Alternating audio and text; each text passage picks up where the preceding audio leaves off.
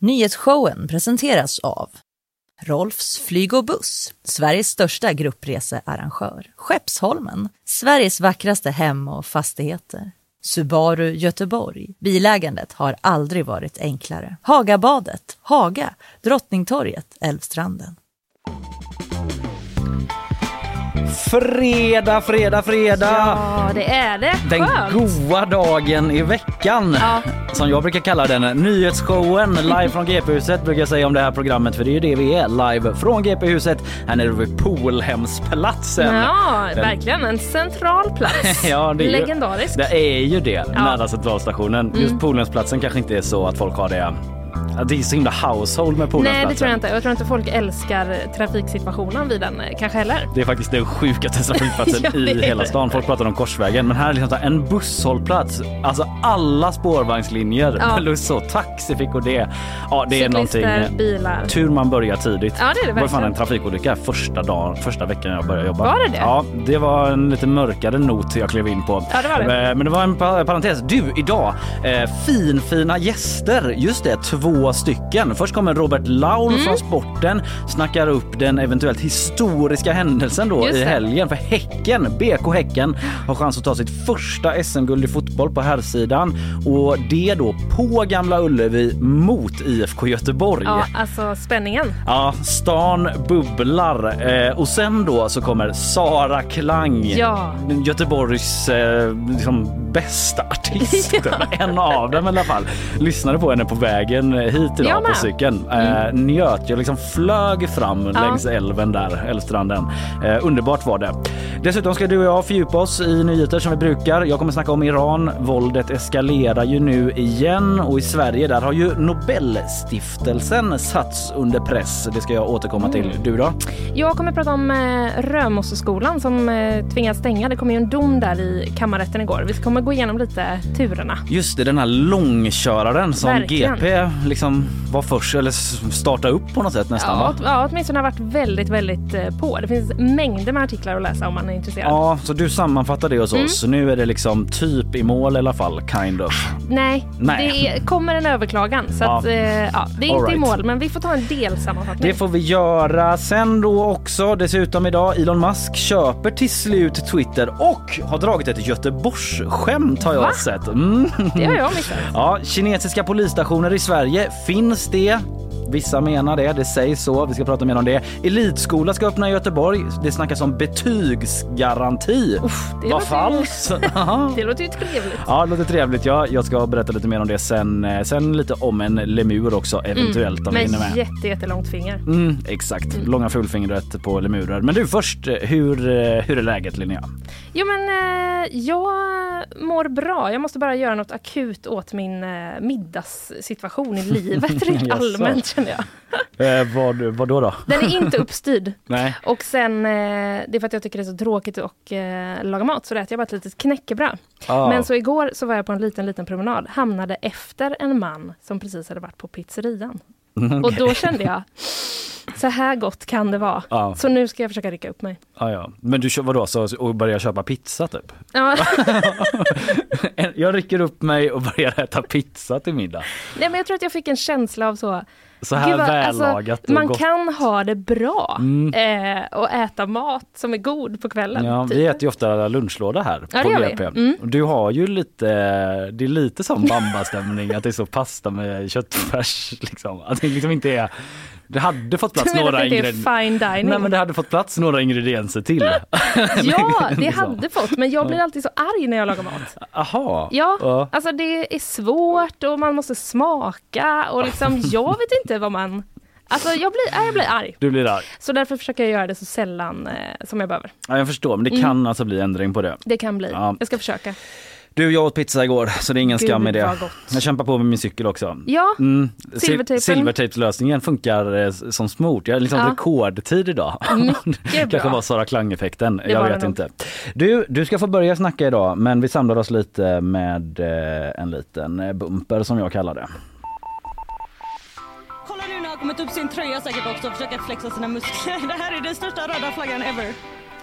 Ja, Jag ska då, vi ska prata om Römosseskolan, för igår så kom det ju en dom i eh, kammarrätten. Ja. Eh, som helt enkelt innebär att skolan måste stänga Mm. eh, efter jul. Nästa termin får man helt enkelt inte öppna igen. Eh, och enligt domen så är anledningen då flera år av eh, misskötsamhet. Ja, vad är det här för skola? Vart ligger den? Ja. Mm. Ehm, det är... ehm, jag ska bara säga, jag ska bara säga det Ja. att efter jul då, så det är ju 250 elever ungefär som Just går det, på den här just det. skolan. Så de kommer då i så fall behöva eh, byta skola. Men eh, föreningen som driver skolan, de kommer att överklaga till Högsta förvaltningsdomstolen. Okej, så vi har inte sett slutet ännu då? Nej, det har vi inte. Eh, och jag ska säga också att jag har eh, fått stor hjälp av Anna Ekström här på GP som är reporter. Ja, hon har varit på är- den här sedan dag ett. Ja, hon, eh, den eh, här bollen. Hon eh, har skrivit eh, hutlösa mängder, jag på att skriva, säga, artiklar. Så att, ja. Men det har ju varit liksom väldigt omtalat det här, dels i Göteborg men också på ett riksplan eftersom det är en religiös friskola. Ja. Visst? Det finns tre Römosseskolor i Göteborg, liksom uppdelade efter årskurser. Och det är ju då en friskola som tidigare hade en muslimsk profil. Mm. Och den har man eh, tagit bort sedan en tid tillbaka. Mm. Eh, och skolan har ju fått kritik från Skolinspektionen då under flera år, bland annat för att man haft könsseparerade lektioner. Man har delat upp tjejer och killar. Just det. Eh, och det som lite grann var startskottet kan man säga, det var i maj 2021, för ett och ett halvt år sedan ungefär. Mm. Då avskedas eh, skolans rektor och han polisanmäls också av, skola, av styrelsen eh, som misstänker att han har förskingrat pengar. Men han nekar till anklagelserna då. Okej, det är också en del i det då. Ja precis, det är lite början kan man säga. Mm. Eh, och den här tidigare rektorn han åtalas senare eh, och i april i år eh, så dömdes han till fängelse i fyra och ett halvt år för grov förskingring och eh, grova bokföringsbrott. Ja. Men även den här, eh, eller den här domen har han då, han nekar alltså till brott och Mm. han har överklagat den. Mm.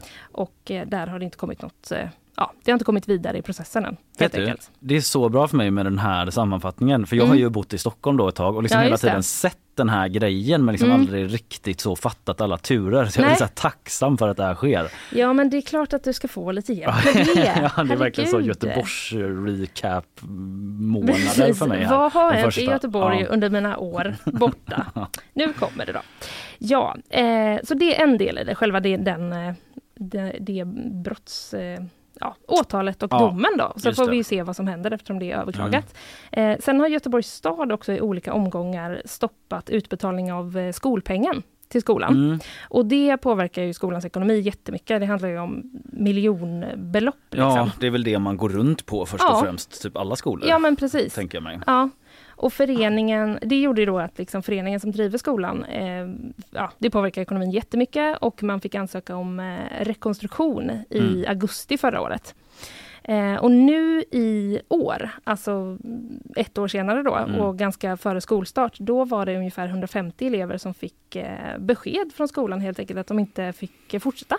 Fatta vad jobbigt ändå, både Mm. för föräldrar eh, och barn. Liksom. Ja, ja, Man ska börja där, ska Ja. träffa alla kompisar igen, liksom, eller typ så första dagen i Mm. skolan och så bara nej, en, eh, du får inte komma Du får inte hit, komma du måste hitta en hit. ny plats. Liksom. Ja. Bara styra om, typ bara hela, hela vardagspusslet. Ja, bara, ja, sån verkligen. Och, och anledningen var ju då liksom från skolans håll att de, det gick inte ihop ekonomiskt. Nej, De fick inte ihop PGA det. det här med skolpengen då bland annat. Ja, precis. Och rekonstruktionen och, Mm. och det där. Och eh, både elever, lärare och föräldrar har ju vid flera tillfällen demonstrerat också. Mm. Eh, på Gustav Adolfs torg bland annat för att man vill ha tillbaka skolpengen då, helt Mm. enkelt skolan.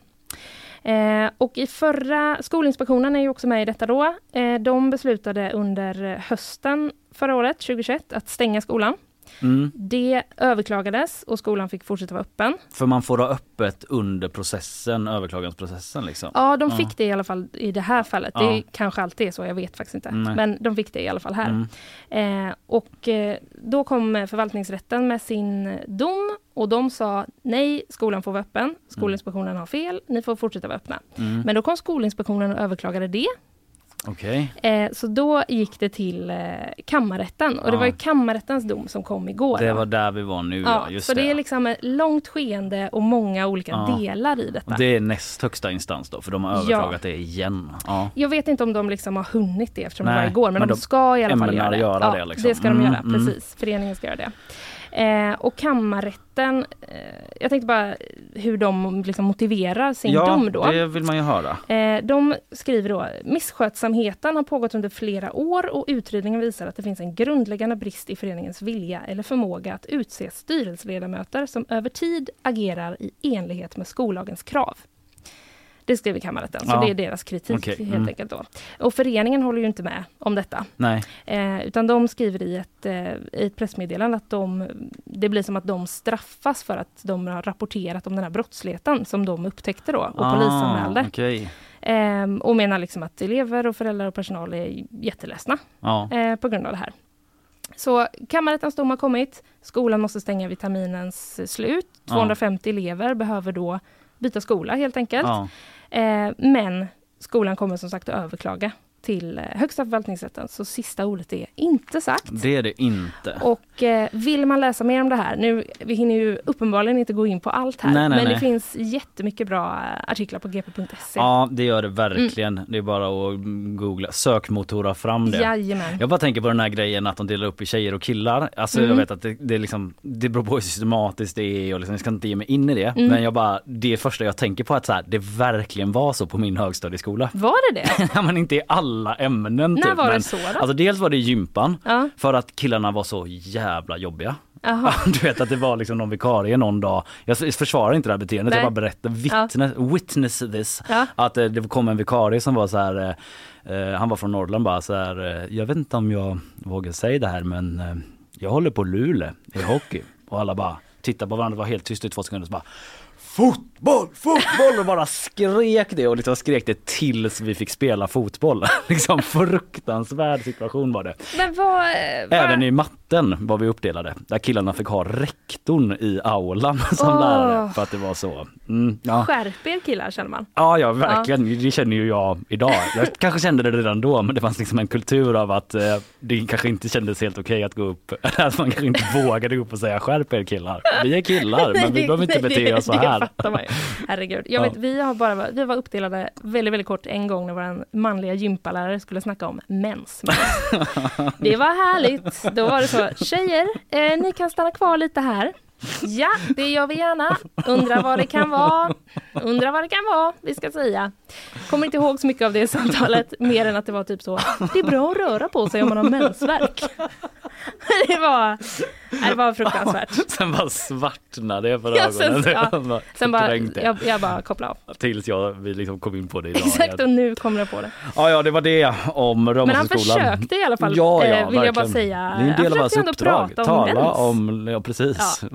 Väldigt intimhälsa. Ja, Vi måste tala om, låt oss tala om intimhälsa.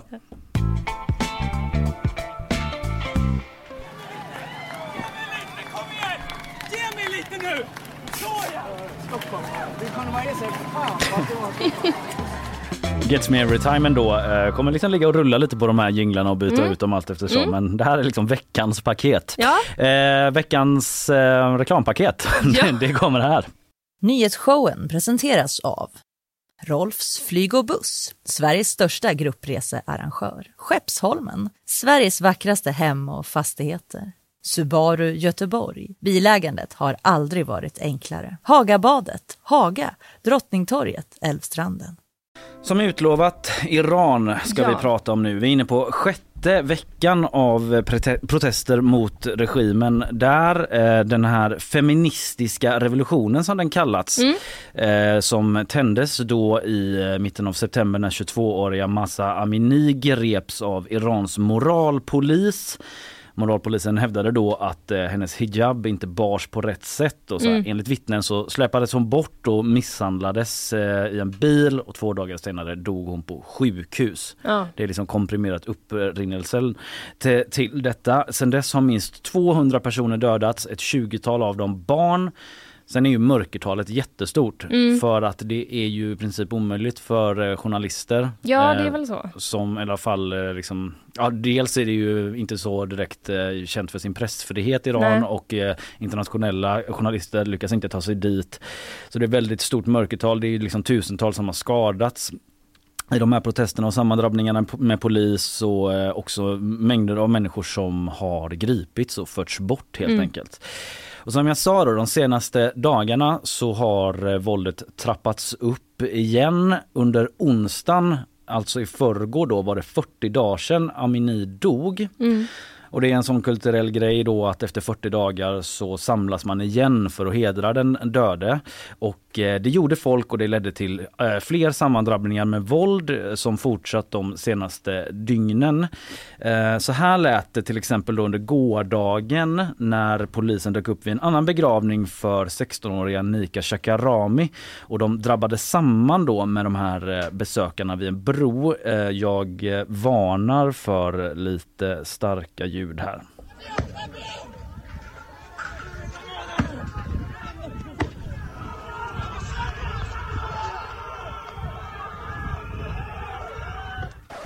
Ja, det man hör här är från BBC och man liksom ser då att det kommer poliser i samlad Mm. trupp över en bro som går upp mot där det står bilar parkerade, massa människor då som har varit vid den här begravningen Mm. och de börjar kasta stenar mot polisen och polisen skjuter tillbaka tårgas.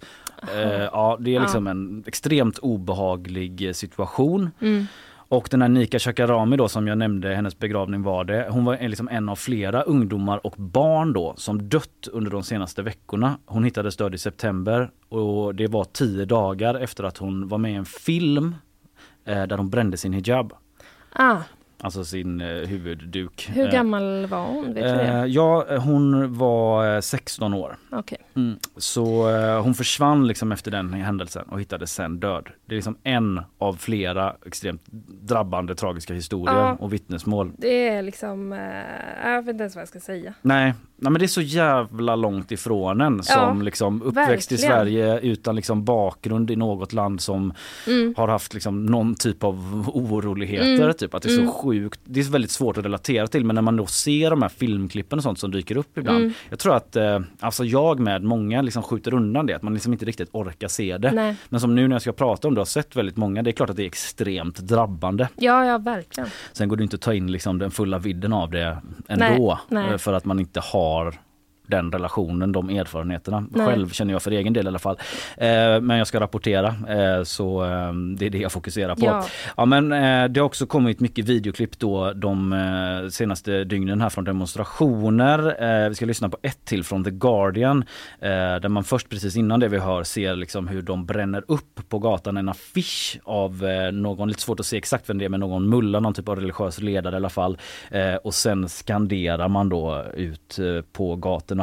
امسال سال خونه سید علی سرنگونه امسال سال خونه سید علی سرنگونه Ja, Guardian översatte This is the year of bloodshed, the end of Khamenei.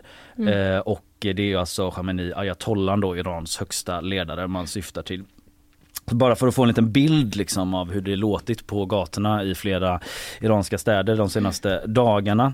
Eh, det finns ju som sagt liksom otaliga klipp i sociala medier som eh, visar vad som pågår där. Unga tjejer liksom som skäller ut mullor och puttar deras turbaner av huvudet liksom och Oj. typ jagar iväg dem från en skola. Det finns ett klipp som blev Ja. väldigt uppmärksammat för ett tag sedan där det händer liksom att det kommer upp Okej. någon sån eh, mulla liksom och jag vet inte vad han ska göra där exakt men eh, de här eh, unga tjejerna bara liksom skanderar och skriker så han Ja. får liksom backa därifrån. Oj. Ja, Men det, det känns som att eh, det, har, det har väl varit ganska mycket just liksom unga, unga tjejer och Mm. så. Ja, de pratar ju mycket, alltså i rapporteringen pratas det mycket om och liksom berörda som journalister ändå får tag på via Mm. telefon och så om att den här nya unga generationen, så här, att Mm. alla imponeras av deras mod, typ hur Ja. de vågar. Mm. Och just det här att kvinnor har gått i förtruppen hörde jag ett resonemang om beror delvis på att kvinnor i Iran är utbildade i ganska Mm. stor utsträckning, typ mer än män.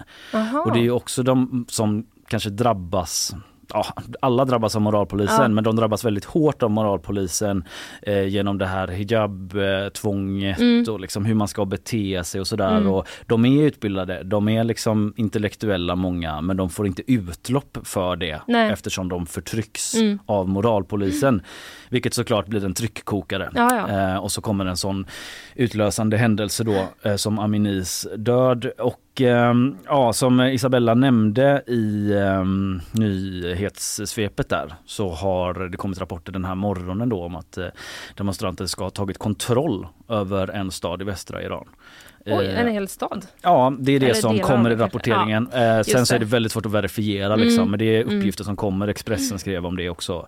Eh, så det är någonting vi kommer följa under dagen. Men Mm hur ska man då beskriva liksom storleken av det som sker i Iran nu? Eh, vi kan lyssna på Samir Abu Eid, mångårig korrespondent för SVT som var med i Rapport igår. Alltså det som händer i Iran nu är historiskt. Eh, absolut. Eh, Sådana här stora protester har vi inte sett där sedan den islamiska revolutionen 1979.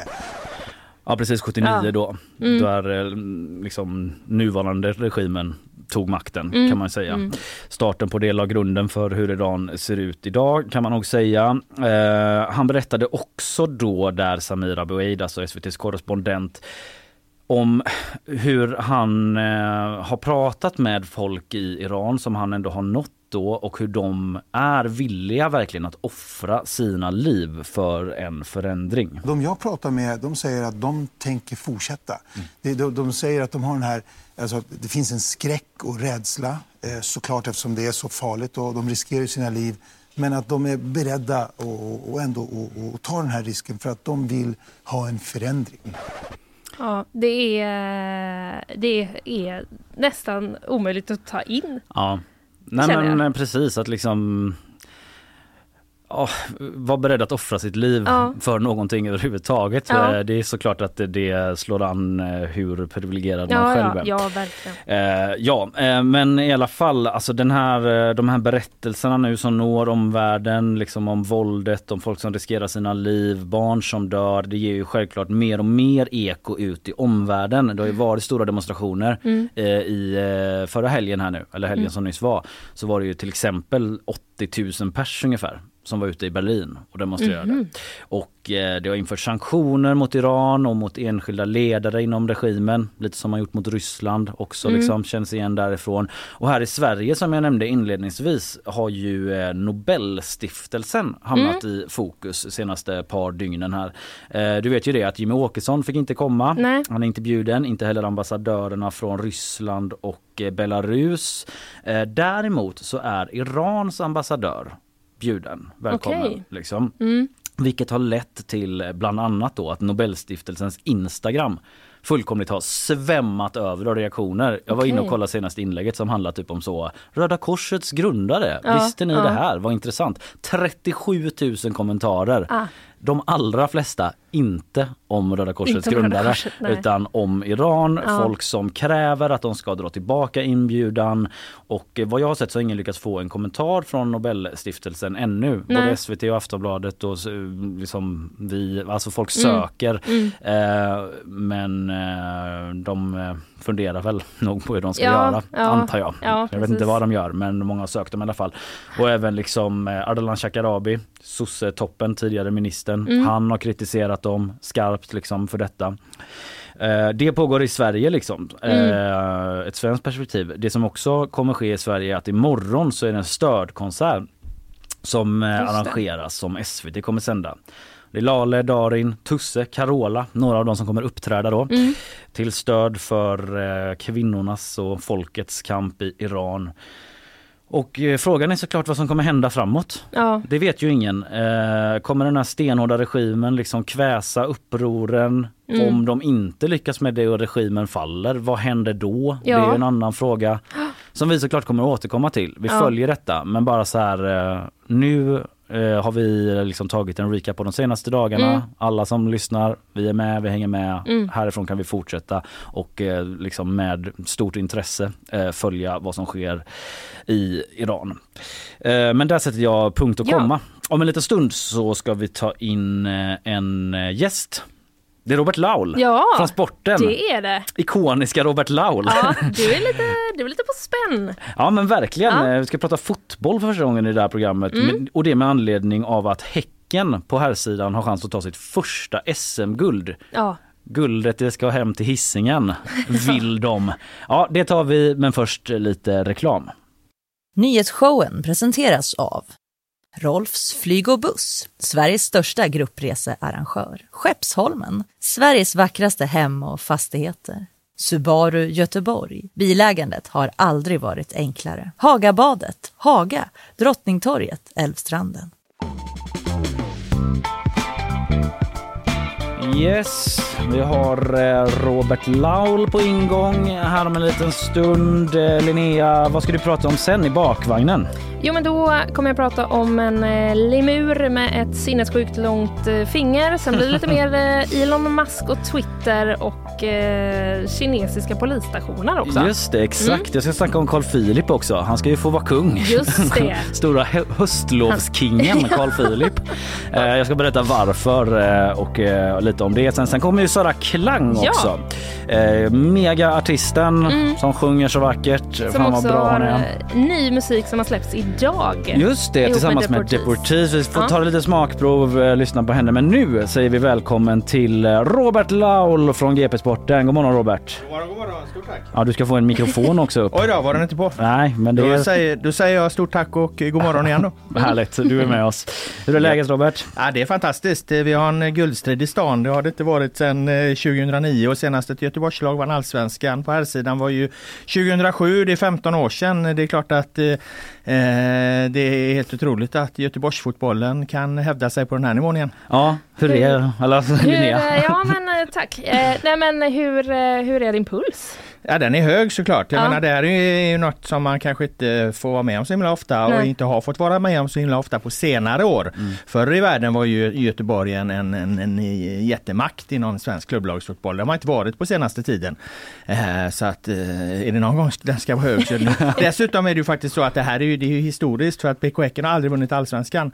Eh, det är inte lätt att vinna en, en fotbollsserie över 30 omgångar, särskilt inte som fotbollen har utvecklats med den ekonomi som krävs att kunna vara med och när det är två omgångar kvar kunna avgöra den här serien och vinna sitt historiska första SM-guld. Det är otroligt stort för i, i den här världen. Ja, megastort är det liksom. Eh, alltså just att det är Häcken då. Eh, hur, hur oväntat är det? Jag menar du har ju Malmö med den megabudgeten, du har alla Stockholmslagen.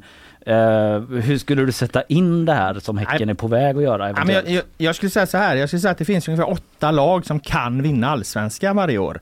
Eh, och Häcken är ett av dem. Eh, för det krävs en så hög ekonomi för att klara att göra det. Och det finns åtta lag som, som omsätter över 100 miljoner kronor varje år. Och Häcken är ju ett av dem. Mycket tack vare Gothia Cup där de har byggt upp en stark ekonomi. Men också för att de på senare år har varit väldigt bra på, på att ta in sponsorpengar. De har varit bra på spelarförsäljningar. De har legat ganska högt i tabellen ändå tagit in en stor del av tv-avtal och så här. Så de har skapat sig en eko- ekonomi där det är, är möjligt att göra det. Sen är de ju fortfarande efter, precis som du säger. De är en bit efter Stockholmslagen. De är en bit efter många år, dominanten Malmö FF. Men, men idrott är ju så att ingenting är ju alltid exakt som det borde vara utan det händer ju saker. Nu har det gått åt helvete för Malmö FF, nu har det gått dåligt för AIK och då uppstår ju en lucka.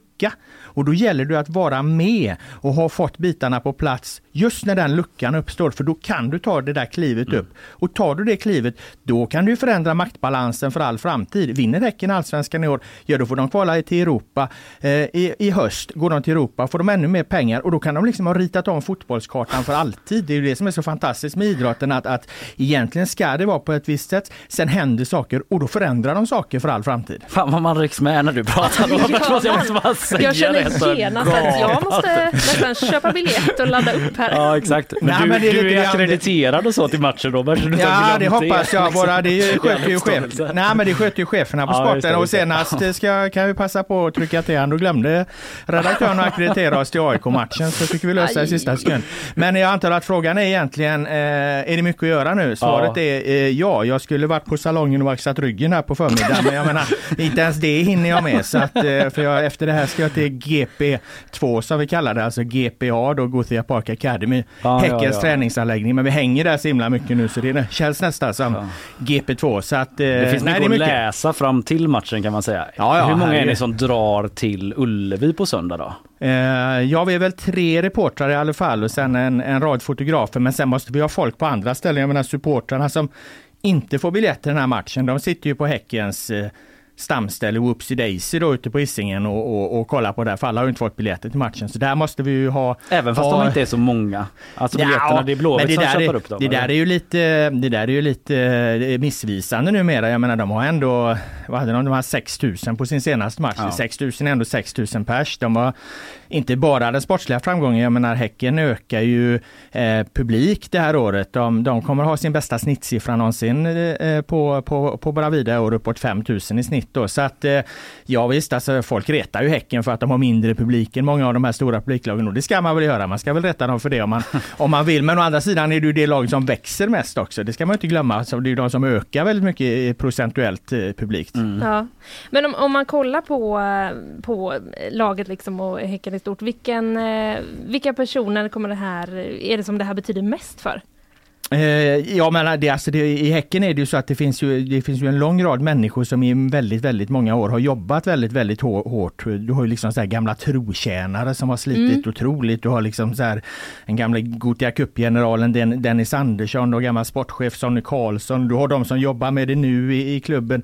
Eh, eh Marcus Jordin som är klubbdirektör, Martin Eriksson som är sportchef och till alla liksom ideella krafter i styrelse. Undrar hur de mår nu. Men, men, men jag menar framförallt allt är det ju en, det är en otrolig emotionell eh, sak för supportrarna det här mm. som, som liksom som, som, går, även om de som sagt inte är så himla många, så är de ju trogna nu. De har ju troget följe som, som de, ja, det är ungefär tusen personer på sin klacksektion mm. varje match som ser match efter match efter match efter match. Det är ju det är för de människorna som en sån här grej är helt, helt makalös. Plus alla då liksom gamlingar, eller ska vi säga, som har följt tecken i alla år. Ja. Så att det, mm. det, det, det är klart att ett guld skulle sätta igång otroligt starka känslor för alla de människorna. Några som också har starka känslor och eh, en tro och liksom, eh, ja, kärlek till sitt lag. Det är ju alla som håller på Blåvitt och det är ju mm. på söndag då som det här sker på Gamla Ullevi. Där Häcken alltså, om de tar poäng räcker eller? Mm, om stämmer. de spelar lika eller vinner då, alltså inte förlorar mot Blåvitt. Då tar de det här SM-guldet, det historiska, alltså mot Blåvitt då just. Mm. Storebror mm. eh, som man eh, säger, liksom hur laddat det är just det mötet skulle du säga? Ja, men de blå, blåvita eh, supportrarna som hörs och syns så här, de har gjort en poäng i alla herrans tider om att Häcken ska man inte bry sig om och så, men mm. det, det gäller väl inte riktigt längre. Jag tycker att det är ett himla eh, ett himla gnällande i vissa kanaler på, på, eh, på Häcken och det tycker jag är lite missunnsamt. Samtidigt är det ju den här kanske då eh, att, att det här egentligen är ett tecken på att okej, okay, nu ökar faktiskt rivaliteten mellan, mm. mellan eh, eh, Blåvitt och Häcken. Nu, nu kan inte Blåvittarna köra med det här längre. Vi bryr oss inte om vad Häcken gör. Som jag var inne på tidigare, om de nu blir den här liksom en ännu större maktfaktor i svensk fotboll och, och om, sport, om Blåvitt sportligt är de ju redan, då måste ju supportrarna förhålla sig mm. till det på ett annat sätt. Så att jag menar, det är väl också någon form av historia som skrivs nu kan man säga. Vad, vad kommer den här matchen få för, för eh, konsekvenser för, för, för liksom den framtida relationen mellan IFK Göteborg och Häcken. Ja. Ja, jag menar, jag tänker också att um, det är klart att Blåvitt vill vara bättre än Häcken men mm. på något sätt kanske det är bra för dem också att det blir mer tryck på matcherna så här framöver. Att det blir typ riktiga derbyn i stan på sikt och sånt kanske, eller? Ja, det vore ju fantastiskt och det har man ju pratat om i många år här i Göteborg att man vill ha upp ÖIS och man vill ha upp Gais just för att det ska bli den typen av, av, av stora eh, derbyn. Men det enda man kan vara helt säker på med, med här i världen det är ju att saker och ting förändras över tid och det är lite det jag är inne på att det här kan vara en sån sak som gör att eh, om, det kanske dröjer länge, men om fem 5-10 år, då har vi stora derbyn mellan IFK Göteborg och Häcken istället för att, för att utvecklingen har gått i, i, i den riktningen. Mm. Om, eh, om vi liksom går till eh, slutsignalen, mm. säg att de vinner. Mm. Vad, vad, vad gör du då? Ja, alltså då gäller det att vara uppmärksam för att jag menar det där, det där är ju inte bara, det ska man väl säga nu mitt i all den här liksom eh, förväntansfulla stämningen som är, så det är inte bara, det är inte helt okomplicerat det här heller, det ska ju, det ska ju gudarna veta för att det, är ju, det är ju olagligt, det är förbjudet, det är mot alla regler, du får liksom som supporter inte springa in på plan. Mm. Samtidigt är det ju en väldigt stark tradition ja. i svensk fotboll. Eh, jag har bevakat den sedan 2001. Eh, det blir alltid planstormning när, när ett lag vinner oavsett det är på hemma eller bortaplan. SM-guld alltså, när man vinner SM-guld? Ja, när man vinner, ja. när man vinner SM-guld. Så oavsett, eh, så oavsett om, om man, vad man spelar egentligen så, så, så vill supportrarna in. Men det är, det är förenat med vissa risker. Jag menar Djurgården 2019, de, de förstörde hela, hela liksom konstgräsmattan i, i Norrköping och det var jättetråkigt efterspel till det där. Eh, jag vet inte hur, hur liksom de här kanske mörkare krafterna inom IFK Göteborgs supporterled, hur ser de på att det kommer in 2000 Häcken-supportrar på deras, eh, på deras plan? Kommer de då liksom eh, mobiliseras att det blir så här våldsscener och så? Alltså jag, ma- klubbarna har väldigt stor respekt för vad som kan hända på slutsignal. Å ena sidan är det förbjudet, å andra sidan vill ju alla någonstans ha de här glädjescenerna, för det är ju fantastiska glädjescener. Men just att det sker ett, ett Göteborgslag vinner på ett annat Göteborgslags arena. Det är inte helt okomplicerat. Vi får se vad som händer helt enkelt. Eh, Ja. Jag tänker typ, eh, men liksom du ska, ska du in på planen Ja. där och stå med Alexander Jeremejeff och bara "Ha, jag hör inte vad du säger. Hur kändes det att göra mål? Det, eh, det kommer ju vara journalister som, eh, som gör det, men eh, det där är också ganska hårda akkrediteringar. Mm. Eh, och eh, jag är osäker eh, på, på, på om, om ens GP får gå in där liksom, utan det är så här Sändande sändande, bolag, bolag, så- och så ja, har blivit det. väldigt, väldigt eh, mycket. Så de kommer göra det, men eh, går jag in på planen då det är väl risk att jag blir eh, gripen då för att jag har brutit, br- brutit mot lagarna helt enkelt. Så där också varit en jävla rubbe. Här grips Robert Laul. Ja, då får jag tillträdesförbud nästa säsong, så då får någon annan bevaka Oh. matcherna. Fan, Robert Laul omplacerad till din ekonomi så. Ja, det hade gått bra det med. Men du, vi ska ta en liten paus snart och liksom snacka vidare om, ja jag vet inte, långtgående liksom, konsekvenser. Vad kan Häcken göra för att förvalta det här lite så. Eh, Men eh, jag bara tänker eh, sen på kvällen då, kommer ni liksom häcka utanför varenda uteställe i Göteborg eller så här för att följa den eventuella guldfesten? Nej, eller? det kommer nog klarna ganska mycket, även om de är tystlåtna, Häcken, om var, var de då ska fira sitt eventuella guld och allt sånt där, så, så är det klart att det finns en, en, en bra planering för det där och, och det är säkert ställen bokade och, och och de har sina ban- bankettplatser klara, så det kommer säkert, eh, det kommer säkert visa sig vad den stora eh, eh, guldfesten är. Okej, men det är alltså än så länge hemligt. Ja, de brukar, eh, de brukar vilja hålla, hålla det hemligt. Ja. Ja. Pågår det något, jag ska, vi ska inte liksom outa något, men pågår det något eh, underrättelsearbete från sportredaktionens sida? Eh, ja, sportredaktionen är eh, välinformerad så kan Ja. vi väl säga. Mm, så att vi, vi, vi, vi vet när vi ska trycka ut vad. Spännande. Br- Breaking in-house news här Ja, nu. Eh, fast också det jag ska säga nu. Vi ska inte ha paus. Kommer från producenten Karl. Utan eh, Robert bara liksom avslutningsvis då. ehm, jag bara tänker, du var inne lite på det så här, men om Häcken skulle lösa detta nu då Mm. och typ eh, hur, hur det eventuellt förändrar maktbalansen inom svensk fotboll. Tror du att de kommer kunna kapitalisera på detta? Mm. Det beror såklart på hur det går, typ i Champions League-kval och allt möjligt så här. Men tror du det här förändrar maktbalansen inom svensk fotboll på något sätt? Eh, ja, jag tror att det kommer att börja göra det för Häcken har ju allting. Det var det jag var inne på lite. De har alla ben. De har liksom bra, de har bra på sponsorsidan. De, de, de har sin Gothia Cup. eh, De är en välskött förening. De har mycket högt eget kapital, det vill säga mycket pengar på banken. Alla de här bitarna. Vad de behöver lägga till är ju, är ju, är ju det, det sista, att, att de kan vinna helt enkelt. För att det har varit deras, det har ju varit en stämpel där att, att Häcken kan inte vinna. Alltså Ja, för de har ändå varit lite tippade Ja. så i jättemånga Ja. år som en outsider. Ja, och börjar de nu då vinna här och så, då lockar de ännu bättre spelare. Eh, och så, så, att, så att det är klart att det kommer få positiva följdverkningar på alla, alla möjliga sätt. Men om de verkligen, om de verkligen ska förändra den maktbalansen som jag är inne på, ja då måste de, då måste de nog lyckas i Europa också över tid. Och de kanske måste vinna ett par guld till. Det räcker liksom inte bara att vinna en gång. Utan, men däremot kan det här vara början på någonting. Och går de väl ut i Europa då och tar in ännu mer pengar den vägen, ja då pratar vi om att då, då, då, var det ju, då var det ju någonstans det här ett väldigt avgörande ögonblick, om det nu blir så, för att, att den förändringen var möjlig. Till sist då, jag har fått för mig att sportreportrar kanske inte älskar den frågan, men hur går det på söndag Robert? Alltså, jag känner mig ganska säker på att eh, BK Häcken kommer lösa ett SM-guld i, i år för att de har ju en räddningsplanka här också. Allting, allting måste ju inte avgöras på det här derbyt. Nej. Utan jag menar, de har IFK Norrköping på hemmaplan sen. Och, och jag har mycket svårt att säga att ett IFK Norrköping som inte har någonting att spela för ska, ska kunna eh, fälla Häcken i, en- i en sån match, även om det då kommer in stora nerver och så. Däremot ett, ett, ett derby, det, det, det, det säger man alltid om derby. Derby kan gå precis hur Ja. som helst. Nu är det dessutom en väldigt, nu är det en dålig fotbollsplan, det är en dålig gräsmatta.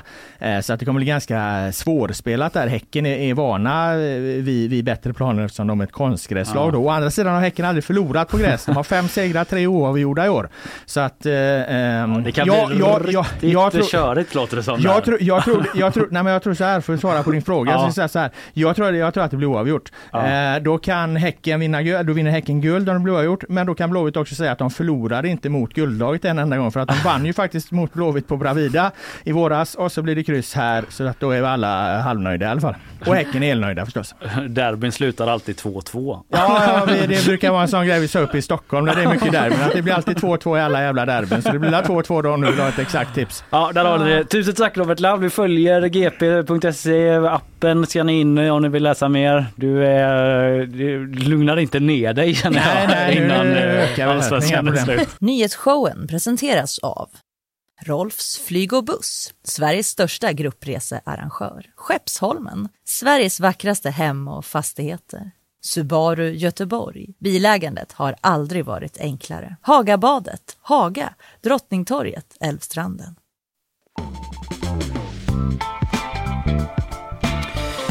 Sådär ja, vi äh, hämtar andan här lite efter Ja. virvelvinden Laul. Det var mycket energi. Ja, Och jag kände, det ska väl erkännas att jag inte är den eh, mest sportintresserade människan kanske, men eh, man blir ju, man rycks ju med. eh, sannerligen. Ja. Vad liksom, eh, är du typ eh, laddad inför derbyt? Ja men alltså nu då? jag, skulle- jag, jag är lite, jag är faktiskt lite laddad inför derbyt nu. Ja. Det, det är ju också så att när, när man väl, eh, när man väl liksom intresserar sig lite, då är det ju inte svårt att fastna. Nej, Så nej. det är mer det kanske bara. nej men precis. Vi, ja, det är svårt att inte bli engagerad när Robert. Laul kommer in Mm. liksom, och drar typ så två timmars fakta på eh, tio minuter.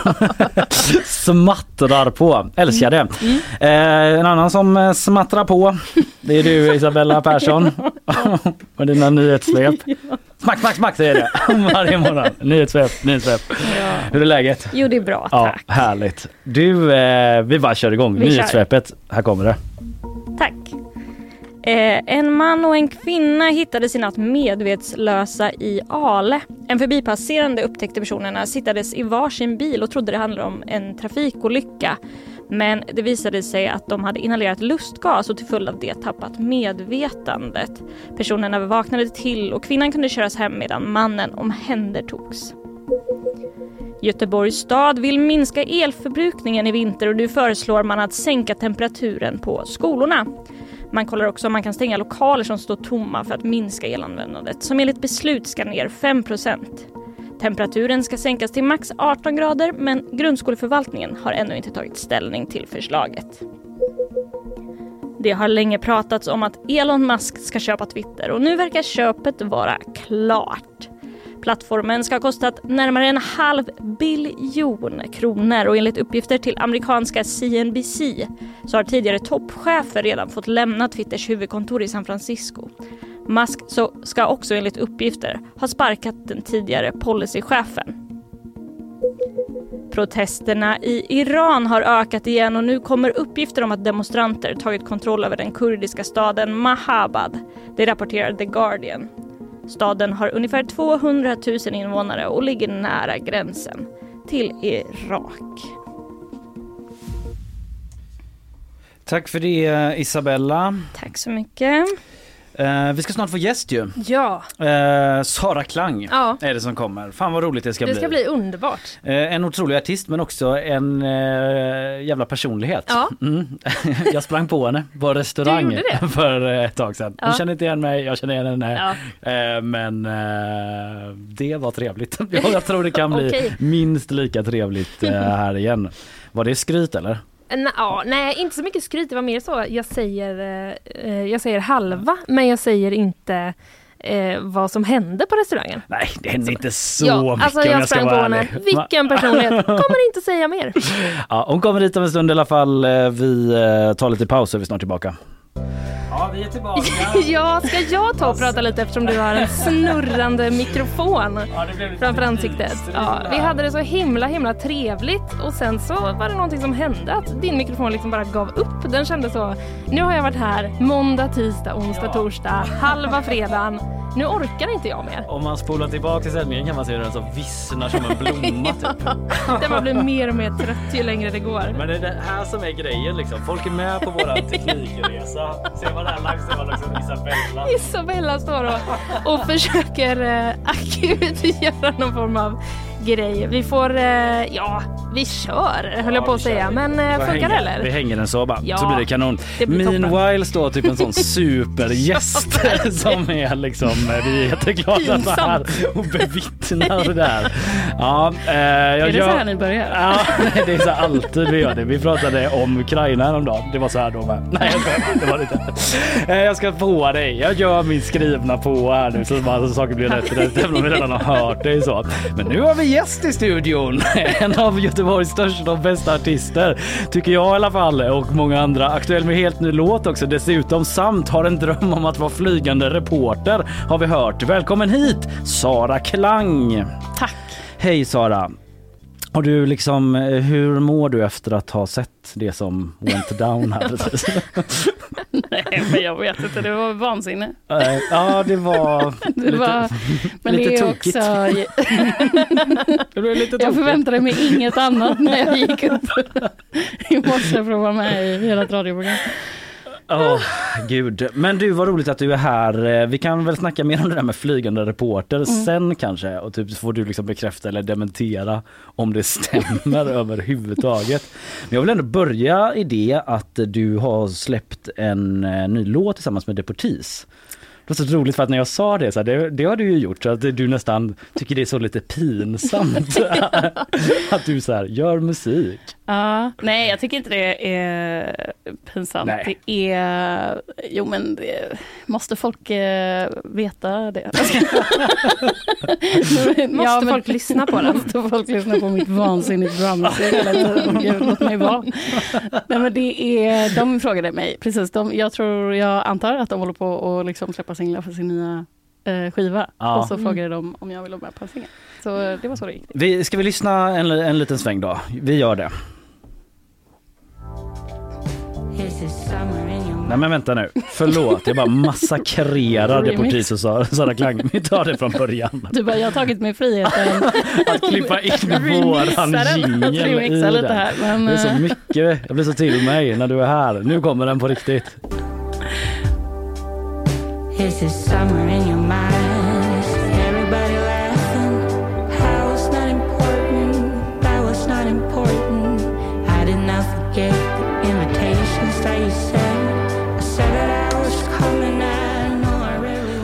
Ja, där är den. Alltså, jag ska inte liksom leka för mycket som musikjournalist, för jag är inte det. Men det är ändå någonting som gifter sig jävligt gött med... Eh, förlåt, alla cringear så jävla mycket när jag ska prata om musik. Jag såg Sara Klang direkt bara, fuck, vad är det här? Ja, jag vet inte, men jag sa det också innan vi började att det känns så himla gubbigt att prata om ett sound. Men jag tycker ändå att de har det, du har så jävla röst. Ja, det låter fett i alla fall. Hur var det typ att spela in med dem? Ja, nej, nej, alltså vi träffades aldrig. Jag var ute på Sockerbruket i min producentstudio och eh, sjöng in den där och sen eh, mejlade vi den. Så det var, det var inte en, det var inte så alltså- intim stund att vi typ satt och drack vin och körde så. Nej. Det är alltså låten Ver- där ja. vi gör en dokumentär om låten skapades. Jag skulle säga att alla låtar eh, skapas på detta vis. idag. Wow, vilken Ja. sån uh, take-down av Mm. hela mystiken Mm. runt Ja, musik-Sverige. verkligen. Det är så det går till. Mail. Ja. Röstmemo på sms. Också din, sänkte du bara för studion då? Röstmemo. Jag behöver inget. Så ett pyttelitet mixerbord alla bara this sounds awesome, drop it. Mm. Ja men du, ehm, du har också eh, börjat spela in din fjärde egna skiva. Mm, mm. Är det, det såg ut som på Instagram att den är är färdig typ? Eh, gud, jag hade verkligen brist på content så jag bara, jag måste fånga mina följare här och skriva någonting. ja, jo men den börjar bli klar. Jag, jag har ju, jag gjorde ju, vi, eller vi, det är jag och Kevin Andersson och Theo Stocks. Eh, vi gjorde ju typ en hel platta under pandemin och så Mm. eftersom att det var lång tid däremellan då så fick man så himla mycket tid att lyssna på den varpå jag insåg att den var riktigt, riktigt dålig. Så, jag, så vi har gjort om den nu. Så det är liksom en, eh, ja, men det är en uppgraderad version då av första. Och då har man jobbat länge och så lyssnar man bara Well this fucking sucks. Nej men det var verkligen att så här, Inte jag så. satt och lyssnade och bara, jo men den har något, alltså det, mm, ja. Och sen, nej, så det var så jävla lat, jag gör om den bara. Så, jo men nu, nu eh, börjar jag, det, jag brukar liksom inte vara helt lyrisk över en platta när vi har liksom gjort klart den. Nej. Nej. Eh, men nu känner jag ändå att den är king. Ja, ja, är ett- Hoppas du inte hinner liksom lyssna på den för mycket nu innan igen och så Nej precis. känna andra saker. Det är bara att släppa kanske. Ja, ja, Ja. gud, det Ja. är verkligen att bara släppa skiten. Skönt. Men eh, vi har ju förstått här att den handlar eh, en hel del om att bli, eh, bli mamma och din eh, graviditet. Kan det stämma? Hur man blir gravid. Ja, men vi, Eh. såg, vi såg ett citat från, återigen din Instagram då. Mm. Eh, jag tittade på Rosemary's Baby och tänkte, är detta en dokumentär om mitt liv? Ja, men jag såg faktiskt den när jag var gravid och kände det här är ju otroligt dokumentärt, liksom, hur det är att vara gravid. I alla För- fall för mig. Jag var otroligt paranoid hela min graviditet och eh, Mm. åt konstiga saker. Det är någon sorts eh, skräckfilm väl? Ja. Förlåt eh, kunskapslucka. Har Ja, men och den är också, jag tror att den fortfarande är liksom lite så känd för att den faktiskt är obehaglig fortfarande. För att den är lite så feberdröm Mm. Man vet liksom inte riktigt vad det är som är sant. Det, kan, alltså, det är inte så läskigt att hennes barn faktiskt är djävulen. Mhm. Eller det är väl också Det är det läskigt, men- minst läskiga. Ja, men jag, jag tror liksom att det är att den är så. Förresten, är det han, vad heter han som har gjort den? Är det han som är... Eh, vad heter han? Nej men skitsamma, men är det Jo men det är, eh, jag eh, tror att jag vet Woody vem du tänker på. Polanski. andra? Ja, Eh, skriver Karl här nu, producenten. Ja, just det. Ja, men Tack. det är en sån. Polanski. Men Det var- det känns som han har regisserat din graviditet också då? Eller vad var det? Nej men det är väl att han eh, blev väl supercancelled sen. Han Ja, inte- ja, ja, ja, precis. Inga Det- jämförelser med honom då. Men på vilket sätt har du bara utvecklat, eller så här, hur, hur har det präglat den här skivan då? Nej, men jag, sku, jag, sku, jag tror inte att hela skivan handlar om eh, min graviditet såklart. Men eh, så här i efterhand så tror jag att den handlar supermycket om att eh, jag, eh, liksom, det är någon slags avrundning på mina 20s. Jag vet inte Mm. hur man säger det bra på svenska. Nej. Mm. 20s. 20 låter bättre. Ja, det man fattar vad jag menar. 20. Eh, alltså att det liksom tar upp mycket det och sen så slutade ju det i att jag fick ett barn. Ja. Mm. Så eh, det blir liksom att den, det knyter ihop allting. Mm. ja, jag förstår. Ja, men för att eh, den eh, senaste singeln som du släppte själv heter ju Belly Shots. Mm, ja men precis. Har det också den präglat i graviditeten? Typ. Nej men den tycker jag ändå är alltså som en eh, Den är ju lite på skoj på något Mm. sätt. Men den Den handlar väl om eh, också det, att lämna det bakom sig. Kanske Det- att man längtade efter någonting annat när man var eh, 26. Ja. Typ lite befriande också att lämna det, den längtan bakom sig. Eller om man kanske har kvar den ibland också. Ja, men- eller läng- alltså, längtan efter vad? Det var inte som att jag längtade efter att eh, vakna upp ett dike varje morgon. Eh, Mm, saknar. Mm, saknar att vakna med ytterdörren på vid gavel. Och människor jag inte känner i mitt kök. Min bästa tid. Bästa tiden grabbar. Nej, men, Bästaste grabbarna. Alla är nej, men fy vad hemskt att du vet vilka de är också. Ja. Eh, ja, så det, det är lite så det handlar om. Men du har en textrad i den som är så I was on my way to the top jerking off to pictures of myself. ja, Eh, som eh, jag tyckte var bra. Men liksom, är det nå- någonting som, jag vet inte att man liksom blir, du har ändå haft en jätte, nu, kan, nu får jag säga det om dig, men att du har haft en jätteframgångssaga liksom, eller som typ På spåret dök upp som från ingenstans och sen Mm, bara tre skivor, det går svinbra Mm. liksom. Att man blir, eh, riskerar att bli hög på sig själv under den perioden. ja, men jag tror att eh, jag känner igen det beteendet många av mina vänner också som är otroligt eh, mindre framgångsrika. alltså att det är en åldersgrej med. Alltså att man Ja. är, det, är- det är ju eh, filmen om ens liv varje dag.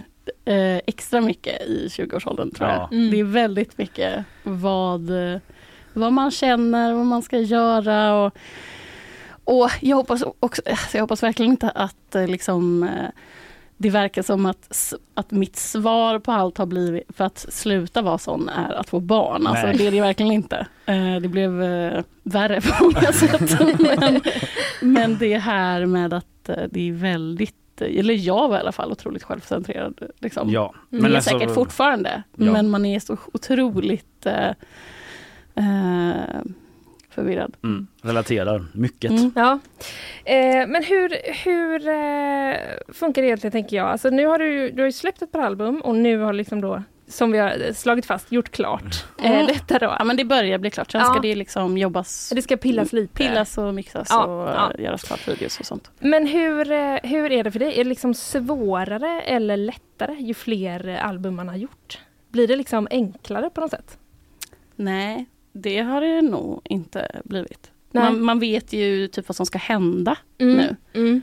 Eh, och eh, Ja, Men men, eh, vet- alltså det är lite som en så febermardröm, alltså när man har gjort slut ett album, att man bara, Ja. ja, nu gör vi det här igen antar jag. Ja. Alltså, det är exakt samma sak. Så jag inser så här, mitt jobb går ut på att göra det här. Då Ja. får vi göra ett femte album. Alltså. Ja, just det. Sen ett sjätte. Det finns ju inget annat jag kan göra. Nej. Förutom att branscha ut mig som nu då, som jag verkligen har försökt. Ja, vi ska ju komma Så att till jag det. slipper Det här- göra ett album till. Det är därför. Det är inte bara en intervju det här utan det är också typ en, eh, alltså en intervju om dig som artist utan också en, någon sorts anställningsintervju. Men typ, ja, ja. Eh, Men eh, vad tänkte jag på, kan, bara innan vi stänger den butiken liksom, kan du säga någonting, eller kan du säga när skivan kommer? Eller det vet du inte? Nej, jag vet inte riktigt än. Då ska jag inte pressa dig jag, men... om, om jag hade fått välja allt själv så hade jag ju eh, bara släppt allt så fort det var klart. Liksom. Mm. Men det är ju så mycket grejer som måste fixas. Mm. Men jag hoppas eh, början av nästa år. Ja, Kanske någon singel innan. fett. Ja. Eh, Mm. Vi ska ta en liten paus sen är vi tillbaka och snacka mer om eh, din stora dröm. Just det, Nämligen att vara reporter på stan. på GP. På GP. Hallå, stryk, klipper bort fniset efter GP. Snart tillbaka. Yes, tillbaka med eh, Sara Klang, artisten som vi har pratat med om nya skivan och lite sådär och eh, som är på G och eh, Deportis och spelat in med ja, allt möjligt. Allt möjligt har vi pratat om. Det var ju heller inte jättelänge sedan vi gjorde det. Nej, jag Men vet. det, det, Men det, är ändå, fint att du fortsätter recappa allt. det är ändå live. Folk Ja, kanske tunar det in lite det. där ja, som helst. det är jättebra. Vi behöver inte bråka om det. Vi Men tar, okej det på, vi tar det på mötet sen. Mm. Eh, men eh, Sara, Mm. det har ju kommit till våran kännedom att du eh, har en liten dröm om att vara flygande reporter. Eh, ja, ja. Det bekräftar Alltså på du. stan. Ja, Ja. Ja. Mm, precis. Eller kanske inte flygande reporter, men för jag och Kalle träffades ju, det var därför jag kom hit från första början, var att vi träffades på samma restaurang. det här är det som du teasade om innan, som du Ja, aldrig berättade om. teasade, skröt. Ja, skröt, Ja, precis. mm. Ja. Ja, Ja, men men så det då Mm. pratade, eller så sa vi hej, för jag kände igen dig eh, från att jag hade träffat dig på P3. Ja. Och så började vi prata då och så sa du, eh, nu bor jag i Göteborg och ska starta upp eh, en riktigt het grej här. och precis. då sa jag, Är men du redo eh, för lite hot shit Sara? Stockholmsgrejer i Sara? Göteborg. Hallå? ja just det. Och då sa jag, men gud vad kul, jag funderar på vad jag ska göra när min karriär dalar och sen kraschar. Mm. Eh, nej men alltså alla artister gör ju så här typ att de, ja, men typ Petter har väl ett vin Ja, Mm. och typ hamburgare. just, det. Just det. Eh, jag tänker då, alltså man, man liksom sakta men säkert vet man att man kan, det är liksom ohållbart att eh, rocka för alltid. för att det är så, så jävla tråkigt. Ja. Så, de liksom, så man väljer liksom, eh, Mm. någon ny väg. Och jag Ja, just tänker, åh, men eh, då kan jag ju bara bli bästis med Kalle. Ja. Och eh, Ja. börja läsa väder eller någonting. Läsa vädret. Ja, men har du någon liksom idealbild av vad det är du skulle vilja göra då? För någonting? Nej men jag har, alltså jag har en tanke om att jag är jätte, jättebra på att läsa in eh, ljudböcker eller poddar. Typ en, jag vet att en creepy podd eller barnteater eller någonting.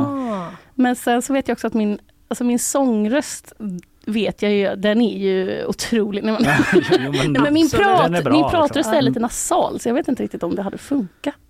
Jag vet inte heller, det kanske Mm. kan vara något sorts pilotprojekt här att du kan komma in då och då och typ så här, läsa så här Sara Klangs eh, dagbok, eller så här batchbetraktelser. Ja, liksom, ja, om Klang, typ. stan bara. Ja, Ja. Det Exakt. skulle vi kunna prova, absolut. ja. Så spelar du in den i din studio i sockerbruket, typ så här Ja. svinbra krispigt ljud typ. Ja, och så skickar jag faktura till Ja, dig det då. gör du inte.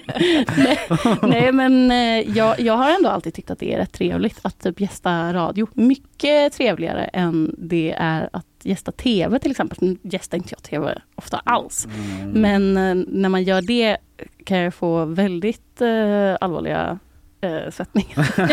Men det här tycker jag är ett trevligare format. Ja, underbart. Mm, mm. Hör ni det TV? Exakt. Ni kan Lägg dra åt helvete ner. TV Ja. och gänget bakom TV. Gå och lägg er typ. De där TV va? Ja, fan vad jag hatar dem. Ja. Eh, tyvärr sänder ju vi lite i TV då också. Men eh, det är inte så. Eh, det inte Sänds det här, finns öppna kanalen kvar? Eh, nej, det heter eh, Nyhetsshowen nu. Men kommer ni ihåg öppna kanalen som hade Linnégatan live? Gud ja. Jag kunde sitta och titta, för min, min farmor bor på Linnégatan och då Okej. kunde jag sitta och titta på den bara och sen så kikade jag ut genom fönstret för att se att det stämde och det Mm. gjorde ju det Men vad, vad gång. var det? De hade liksom någon kamera som bara filmade Linnégatan? Från Hagabion där någonstans va? Nej, alltså det var typ från Järntorget upp mot Ah, svängen till. Just Man kanske just det. såg Mm. lite av Hagabion. Just det. Du kanske Det- har sett mig där? För vi hade ändå ett nöje i eh, Haga där jag växte upp. Mhm. Att man ibland så kanske satt hemma och inte gjorde så mycket så bara Så stack man kolla, dit. kolla öppna kanalen då. Så bara stack man ut och så fem minuter senare bara Varför la man ner det? Så man och vinkade. Det är också, det händer väl ingenting på den gatan heller? Eh, Det händer, nej. ju, det händer ju faktiskt inte någonting på någon gata i den här stan, men den är ju jättesjuk. Ändå så är det Jag skulle ta typ Bangatan. Just det. det finns en gata, så är det. Och kanalen Det finns bara. fler gator. Ja, vi kanske får plocka upp det. Vi kanske ska ha lite klippbilder från Barngatan typ. Vi sätter Mm. upp en sån mobilkamera så vi kan när vi har paus klippa in Barngatan.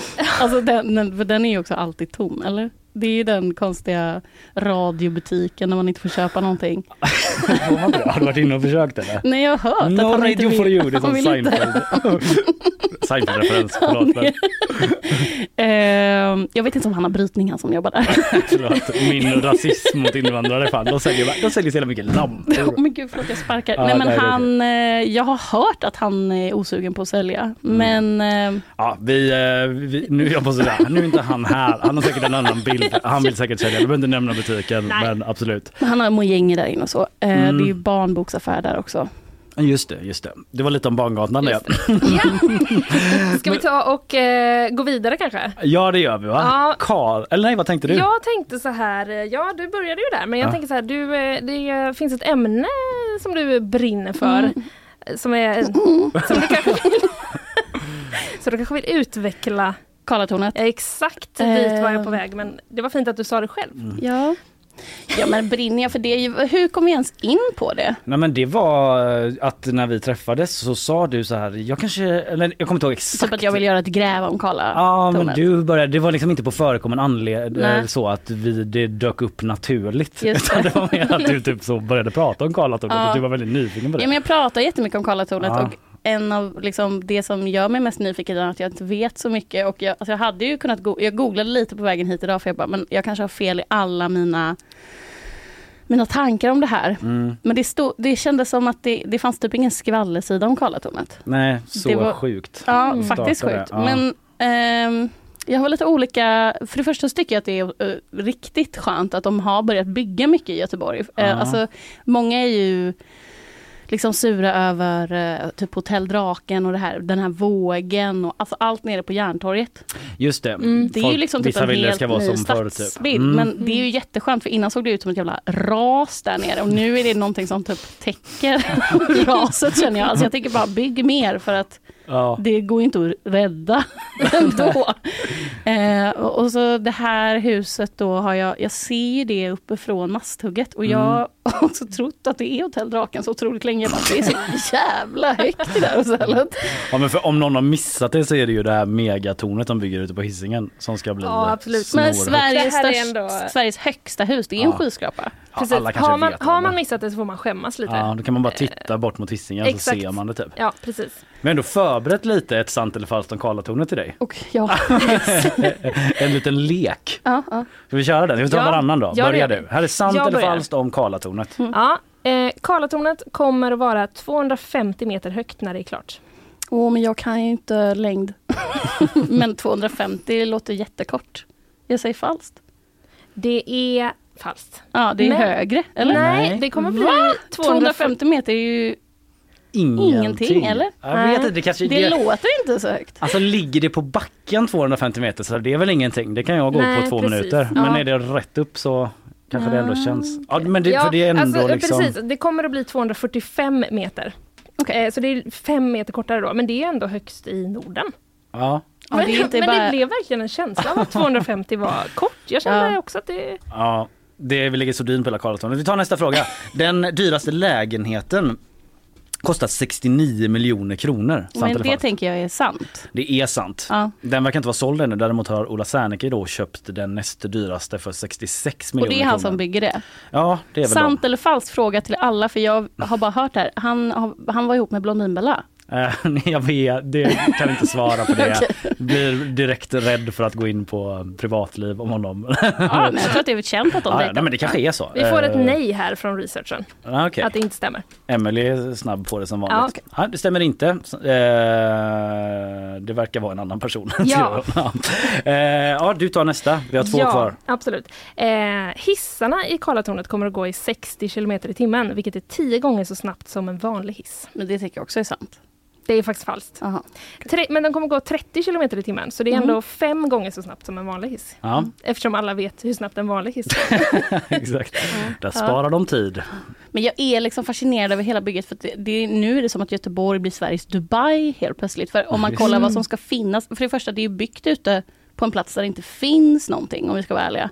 Ja, jag Alltså, har aldrig varit det. där men det är ju inte Jag har varit liksom och mitt i promenerat där och det typ typ. blåser förbi en sån höboll när man går där. Det, det finns inte jättemycket att göra ute. Nej. Nej men, Tänker det, typ nej men precis. Det är, ju, ja, det är ju liksom fortfarande så mest kontor tror jag. Nu har- Mm. har inte jag varit jättemycket på Lindholmen de senaste åren. Men innan dess var jag där eh, ganska mycket. Ja. Och då var det ändå mest, alltså mest kontor och inte så mycket liksom. Det kanske kommer dyka upp nu. när Nej men de ska bygga det folk. i tornet.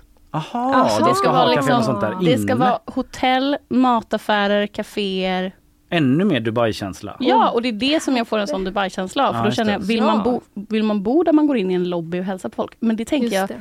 det tycker svenskar är lite Cool. lyxigt. Ja. Ja. Göteborg Khalifa, nytt namnförslag för mig. Efter Precis, Burj ja. Khalifa som är väl världens högsta byggnad.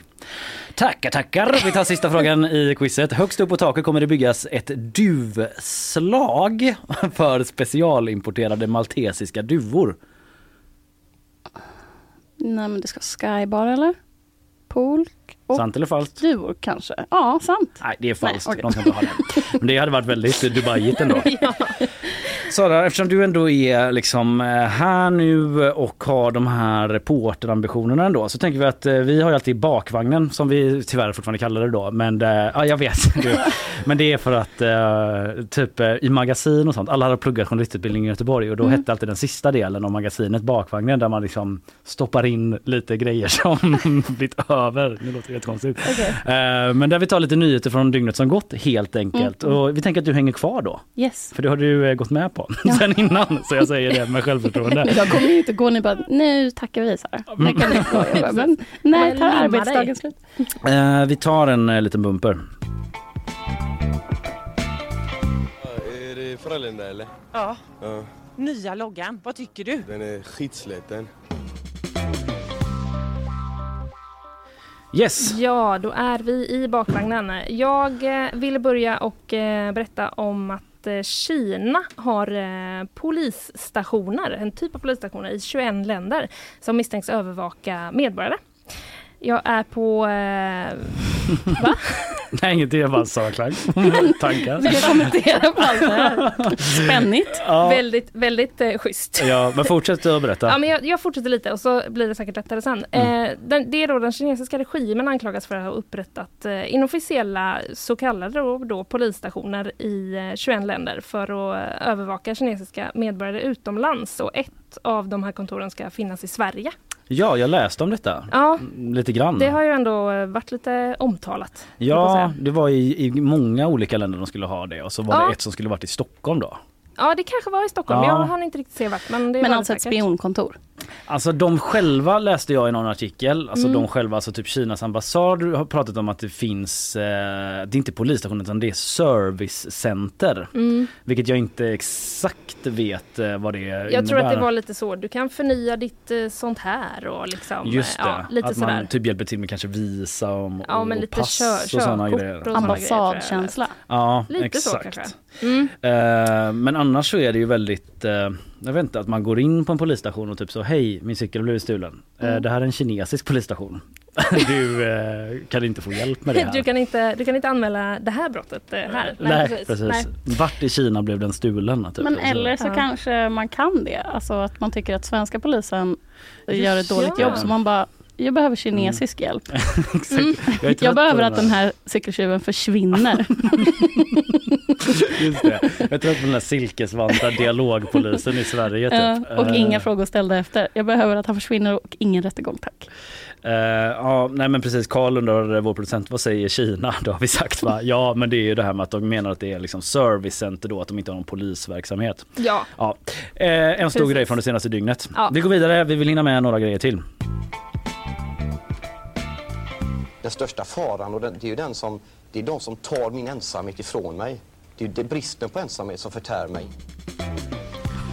Eh, jag tänkte snacka lite om eh, en nyhet som jag såg igår. Eh, det handlar om att Carl Philip ska få Han ska få vara kung för en dag eller flera dagar. Han ska vara höstlovskung. Höstlovskungen Carl Philip. Jag läste från GP. Prins Carl Philip blir kung över höstlovet. Typ som en sån att man får välja en aktivitet på Mm. lovet. Så gå och spela Ja, curling. det. Som det var i skolan, typ prova på aktiviteter. Men är det för att eh, hans pappa är trött? Nej, hans pappa är bortrest. Och det är Victoria också. Ja, ja. Det rapporterar nyhetsbyrån Siren. Men det är, de ju, rätt- det är de ju rätt ofta. Ja men nu är Har det man så... alltid en extra kung då? Ja men tydligen för nu är det liksom någon sorts perfect storm att eh, Karl den 16 Gustav befinner sig på resa till Brasilien mellan 29 oktober och 13 november. Om ni vill veta exakt. Kronprinsessan Victoria som annars eh, tar över uppdraget då som riksföreståndare ska också resa till Brasilien och då är det Carl Philip som är på plats fem i successionsordningen. Eh, Men eftersom kronprinsessans barn då inte är tillräckligt gamla för att ta det här ansvaret så blir det Carl Philip. Det känns ju stoppar in. ändå passande, jag menar de har ju ändå höstlov. Det är Ja, en ja. perfekt vecka för dem att gå in och, gå in och öva lite. Verkligen. Men vadå, Filip är ju vuxen. Han är en stor kille. Ja, ja. Han, han klarar det. Ja, Ja, ja, det det kan han gör säkert. Men jag tänker ändå att det är lite sån ensam hemmastämning, typ att han vaknar på morgonen och det är lite så. nu ska vi se. Kung för ett höstlov. Eh, och typ att jag, vi kan lyssna lite vad eh, hans första liksom, kungaorder eh, kommer vara. Han har redan berättat det.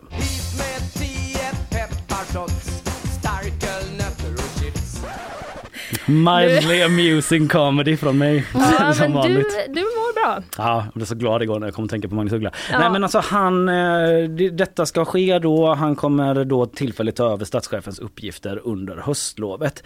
Det är väl högst oklart om det kommer få några så reella ja, konsekvenser. Precis, Om man typ. måste fatta några beslut eller hålla några stora grejer. Mm. Han kanske bara håller det koll. blir ju och för sig spännande eller halvspännande då, men om typ om eh, regeringen skulle falla på någon vänster. Ja, då blir det skarpt Det är läge. megaspekulation, inte eh, så troligt kanske. Men då ska ju ändå Nej. kungen in där och liksom utse, äh, inte utse men liksom möta en ny statsminister och Mm. bla bla bla bla bla. Det lär absolut inte hända. Vi kan säga spekulation. Ja, det skulle kunna ske. Han är snygg som fan också. Carl Philip. Härligt. Ja, vi, han är det va? Ja, Ja. jättestilig är han. Ja, Mm. ja det, eh, det stänger butiken om honom. Vi eh, går vidare. Åh, jag måste fixa med tekniken. Här kommer en liten bumper. Och så körde man då från Monaco till Saint-Tropez och var på Sardinien och fram tillbaka. Så det var eh, strålande trevligt. Va? Även lemurer petar näsan, vill jag säga till er. En Det- roman av Linnea Wikblad. Ja! Rönnqvist. Hur? Ja. Vad- Gud vad jag kände starkt för den. Ja, det lät Ja. starkt. Jag ska börja skriva på den direkt. Nej, det här är en eh, aje aje-lemur som Mhm. heter Kali. Som eh, för första gången då har setts peta i näsan och sen stoppa fingret i munnen. Och detta är en nyhet som du läser om någonstans? Detta är... ja det är det. Ja. Det är väl det enda man ser apor göra, eller? Ja, Ja, men jag vet inte lite om det så, här- I ja. mitt huvud rullar det Ja. många filmer nu med olika arter av apor som gör det. Ja men visst, men det här är ju någon det? typ av lemur så jag tror att det kanske är det som är Okej. nya grejen. Men det här läser jag då på, på CNN och det är någon form av liksom studie som har eh, publicerats nu då. Och den här aje-aje-lemuren, det är en oerhört ovanlig art som bara finns på eh, Madagaskar. Och eh, på CNN så kan man se liksom någon slags skannad bild av lemurens huvud när den petar i näsan. Wow. Och det är ett sinnessjukt långt finger. Jag, Okej. alltså jag överdriver Ah, inte det nu. hjärnan? Det går upp, det går liksom bak till eh, nacken. I princip. Alltså det är så långt så att jag var tvungen att kolla jättemånga gånger. Är det någon som försöker skämta med mig? Mm. Men det är, det är så långt. Alltså det är som att den liksom doppar fingertoppen i nacken fast inifrån genom munnen på något sätt. Gud. Ja, och sen, eh, Science. Ja, verkligen. Och sen eh, så tog den här lemuren då ut fingret och stoppade det i munnen. okej. Och nu vill forskare studera eh, näspetandet för att ta reda på om lemuren gör det här av någon speciell anledning. ja, eller om det bara är gött liksom. Ja, Ja, ja, eller det kanske är anledningen då. ja, man vet ju inte. Det är ju också så att eh, det är väldigt många som petar näsan av oss människor. Just det. Och av de eh, som, eh, ursäkta mig, men sen stoppar fingret i munnen. Eh, då har man tydligen kunnat se eh, vissa hälsoeffekter av det. Mm, Det är bra för immunförsvaret. Färre hål i tänderna har man tydligen liksom kunnat koppla till All right. att man då stoppar det här fingret i munnen. Var försiktiga med den här Ja, informationen det där känns ute. inte så, hörni. man ska, Jag har aldrig haft hål i tänderna. Wow. Du har heller inga kompisar. Du har fler än dig. Nej, men vi kan väl, eh, ja, vi vet ju inte riktigt om det är så här så jag kanske rekommenderar typ att borsta tänderna som Ja, första ja, det är grej. inte om så man att inte det vill ha hål. utesluter tandborstning. typ. Nej, nej, nej, Du nej. kan eh, byta ut det ena mot det andra. Det tror jag verkligen inte, men jag gissar. Så de här forskarna kommer ligga kvar i buskagen där De i kom- djungeln Ja, exakt. och bara Fan nu, eh, Varför- nu käkar han. Mäta med någon sån, bara, nu är han långt inne. Ja, Ja. ja, spännande. Mm. Forskning, hörni. Drömjobb också. Ja, verkligen. Kolla nu när han har kommit upp sin tröja säkert också och försöker flexa sina muskler. Det här är den största röda flaggan ever. Eh, hörni, vi ska tillbaka från djungeln till Göteborg. Eh, det är så att eh, det ska öppna en ny skola här i stan. Eh, det är en ny friskola, Societa tror jag det uttalas, Mhm, lite knepigt.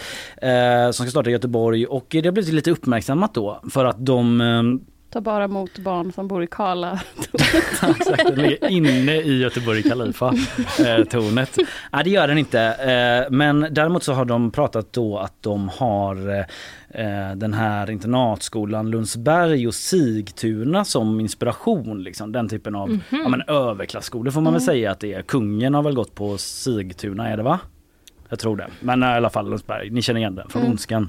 Har vi någon mer, har, har vi någon sån skola redan i Göteborg? Alltså någon lite finare så? Vet inte riktigt. Eh, inte som så tydligt brandar sig så. Eh, på det Nej. sättet. Men är det ett internat som det ska bli? Mm, nej det tror jag inte. Eh, de skriver så här, GP skriver så här då. Karriärcoacher till alla elever och obegränsade försök att få toppbetyg. Så presenterades den, en ny friskola i Göteborg men efter kritik försvann informationen om skolan plötsligt från flera plattformar. Det var för att sondera terrängen kan man säga, säger Daniel Karlsson, ordförande i Socie- Societas gymnasium AB. Jag gick förbi Mhm. dem eh, på gymnasiemässan också. Då kunde Ja. man komma in i montern där och få en sån liten peppis. Nej, så bara, så var det inte. Vad är en peppis? Nej det var ett ondskan-skämt. Du vet när de slår i den filmen som med teskeden på huvudet så. Testa och få hela Societa-upplevelsen.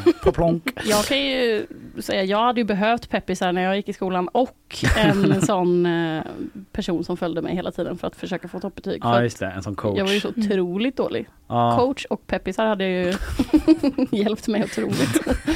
Du sitter och så kanske nynnar på en sång i klassrummet så kommer någon så app, klonk. Peppis, Sara Klang. Det blir peppis. Uh, nej men det var bara skoj. Men han säger, de, eh, de skriver så här. Vi anser att det behövs flera traditionella skolor med högre ambition och starkare kulturbygge. Vårt mål är precis som på de brittiska och svenska internatskolorna att fostra framtidens specialister, företagare och makthavare. Och eh, då var det ju en grej då om det där med, eh, det har kallats för eh, ja, obegränsade försök att få ett toppbetyg. Eh, och det har ju blivit en eh, grej då såklart. Eh, alltså då, vill, då, då ska man ha någon typ av eh, system då för att man liksom, om man misslyckas med betyg så kan man kunna försöka igen och igen tills man typ får ett bättre betyg som jag förstår det. Mhm. Eh, GP har gjort en intervju här eh, som börjar lite så, är det tanken att det ska vara någon form av elitskola som du ju frågade? Mhm. Smart, GP har också tänkt på det. Eh, nej, det är en skola som ska vara till för alla svarar de då. Eh, med tanke på vad som stått på hemsidan frågar GP, har ni någon grundtanke kring vad det här ska vara? Eh, vilket de ju nog har då eftersom Ja. de skrev det. Men då svarar eh, eh, de så här att vi har massor av tankar men jag vill inte föra fram hypotetiska tankar eh, som inte kommer att verkställas. Det är bättre att vi gör klart konceptet. Det enda vi vill, eller det enda vi vet är att vi vill göra en förbannat bra skola. Och det är han Daniel Karlsson då eh, som eh, säger det. Ja, men det är lite spännande i alla fall att eh, det kommer en sån eh, eventuellt då elitskola Ja, till Göteborg. högstadie. Gymnasie. Ja, ja. Eh, Men de ska få godkännande från Skolinspektionen först och det kan ta ett tag sådär så den är väl inte riktigt i mål med det ännu. Nej, det låter som att de är lite på planeringsstadiet kanske. Ja precis. Och, Med eh, tankarna där och så. Ja det verkar så. Eh, Daniel Karlsson vill inte gå in då på vilken typ av reaktioner som skolan fått. Eh, men, eh, men han menar att det tas med som en del när de liksom tänker framåt här nu. Vi fortsätter på samma sätt men utan att det är öppet. Ändå lite spännande trevare så att slänga ut. Typ Mm, att de bara ja. så, ja det blir en elitskola med coacher och hur många liksom extra liv du vill i Man kan gå i gymnasiet tills man är 25. Ja, Ja. verkligen. Men då slängde de ut det för att se hur, vad de skulle få för reaktioner. Ja. Och liksom känna av ifall det fanns intresse då. Ja men pejla av typ. Ja. Det är så jag förstår det när jag läser detta. Mm. Ut med känselspröten. In med känselspröten. när det blev lite snack om det. Ja, vi eh, går vidare.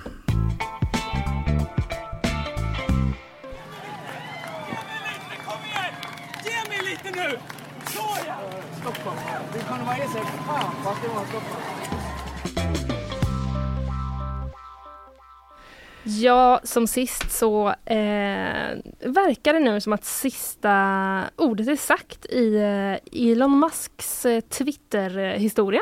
Ja, det har varit en jäkla massa fram och tillbaka Ja, om man ska det. köpa eller inte. Han vill, han vill inte. Det har varit lite, lite liksom eh, juridiska s- tjofräs som Mm, det heter på juridiska.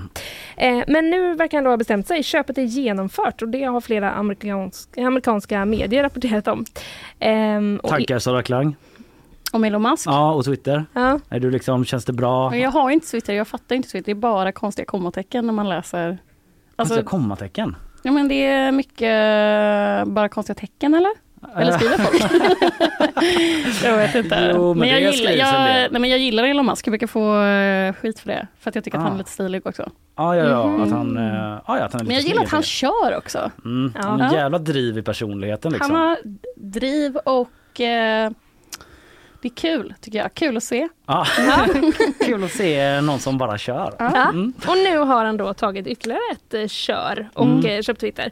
Enligt eh, CNBC, det amerikanska tv-bolaget, så har eh, vdn på eh, Twitter och ekonomidirektören lämnat huvudkontoret i San Francisco och väntas inte återvända. All right. Han kastar ut dem liksom. Ja, det verkar Ja. så. Eh, och det ska ha kostas, kostat 44 miljarder dollar. Det här köpet? Ja. Okej. Twitter, liksom. Jävlar vad sjukt ändå. Jätte, jättemycket pengar. Ja för det var ju massa turer att han skulle göra det och sen så ställde han in det och då höll han på att liksom få juridiska konsekvenser. Ja, för att det blev någon sån precis. typ börsmanipulation i, ungefär. Ja, det, Var, det var något eh, sånt här att nu får du... eh, Ja. Nu får du skärpa Men dig. får du kan skärpa dig. vem som helst köpa en så stor plattform? Mm, ja, alltså Jag då har du tror det. pengarna typ I guess. Det Liksom. kan liksom bli, eh, det kan ta politisk ställning. Ja, ja, ja. Ja, okej. Det kanske redan gör det, jag vet det är inte. ett privat företag men sen så finns det väl vissa så Jag vet inte, de kan väl, det är väl det där vad man sprider för typ av innehåll som kan få konsekvenser. Alltså om det sprids, eh, om man liksom inte fixar att det sprids typ antisemitism och Mm. sånt liksom så här att man måste ha koll på det. Men hela Elon Musks eh, case, eller det går väl ut på att han vill ha typ ett friare Twitter, mindre censur och sånt. Liksom att han vill att det ska vara Han vill ännu att det ska vara antisemitism det, är, det är inte hans ord men eh, Men, men det lär väl bli, tänker jag, om det blir lite Kanske det blir spännande att se typ hur Twitter förändras då. Eh, Mm. vad Ja som händer. precis, Jag ut- vad gör han? Ja vi får se Mm, liksom. får koll. Eh, vi, jag utlovade också att berätta om hans Göteborgsskämt. Just det. Även om jag tycker att så här, det, är- det är en ordvits då som kommer. Men har han ett, eller vadå? Han har ett, ett Göteborgsskämt ja, en Ja, ordvits. okej. Ja, som jag kommer berätta Jag bara, alldeles har han snart. varit här när? nej nej, utan det är på Han var här internet. precis innan du kom in. Du måste ha missat honom. I... Ja, men, eh, typ att, ibland så blir jag lite trött på att ordvitsande ska vara Göteborgsskämt på ett sätt. För att Mm. när man har bott i Stockholm ett tag så är det ju väldigt tydligt att alla där älskar det ännu mer. Du vet att de bara vill kanalisera Mhm. sin kärlek till eh, ordvitsar genom Mm. att be typ bara, nu gjorde du det. Om man själv skulle dra en ordvits så de bara, Mm. nu gjorde du det, vad kul! Ah. Typ. Men de, skitsamma det var en parentes. Men då är det i alla fall att han är på väg att flytta in i Twitters liksom headquarter så kommer han med ett, eh, ett sånt eh, handfat alltså, som man har på toan. Och det heter ju sink Ja. på engelska. Mm. Och då kommer han gåendes med det så säger han så här. I'm here now, let that sink in.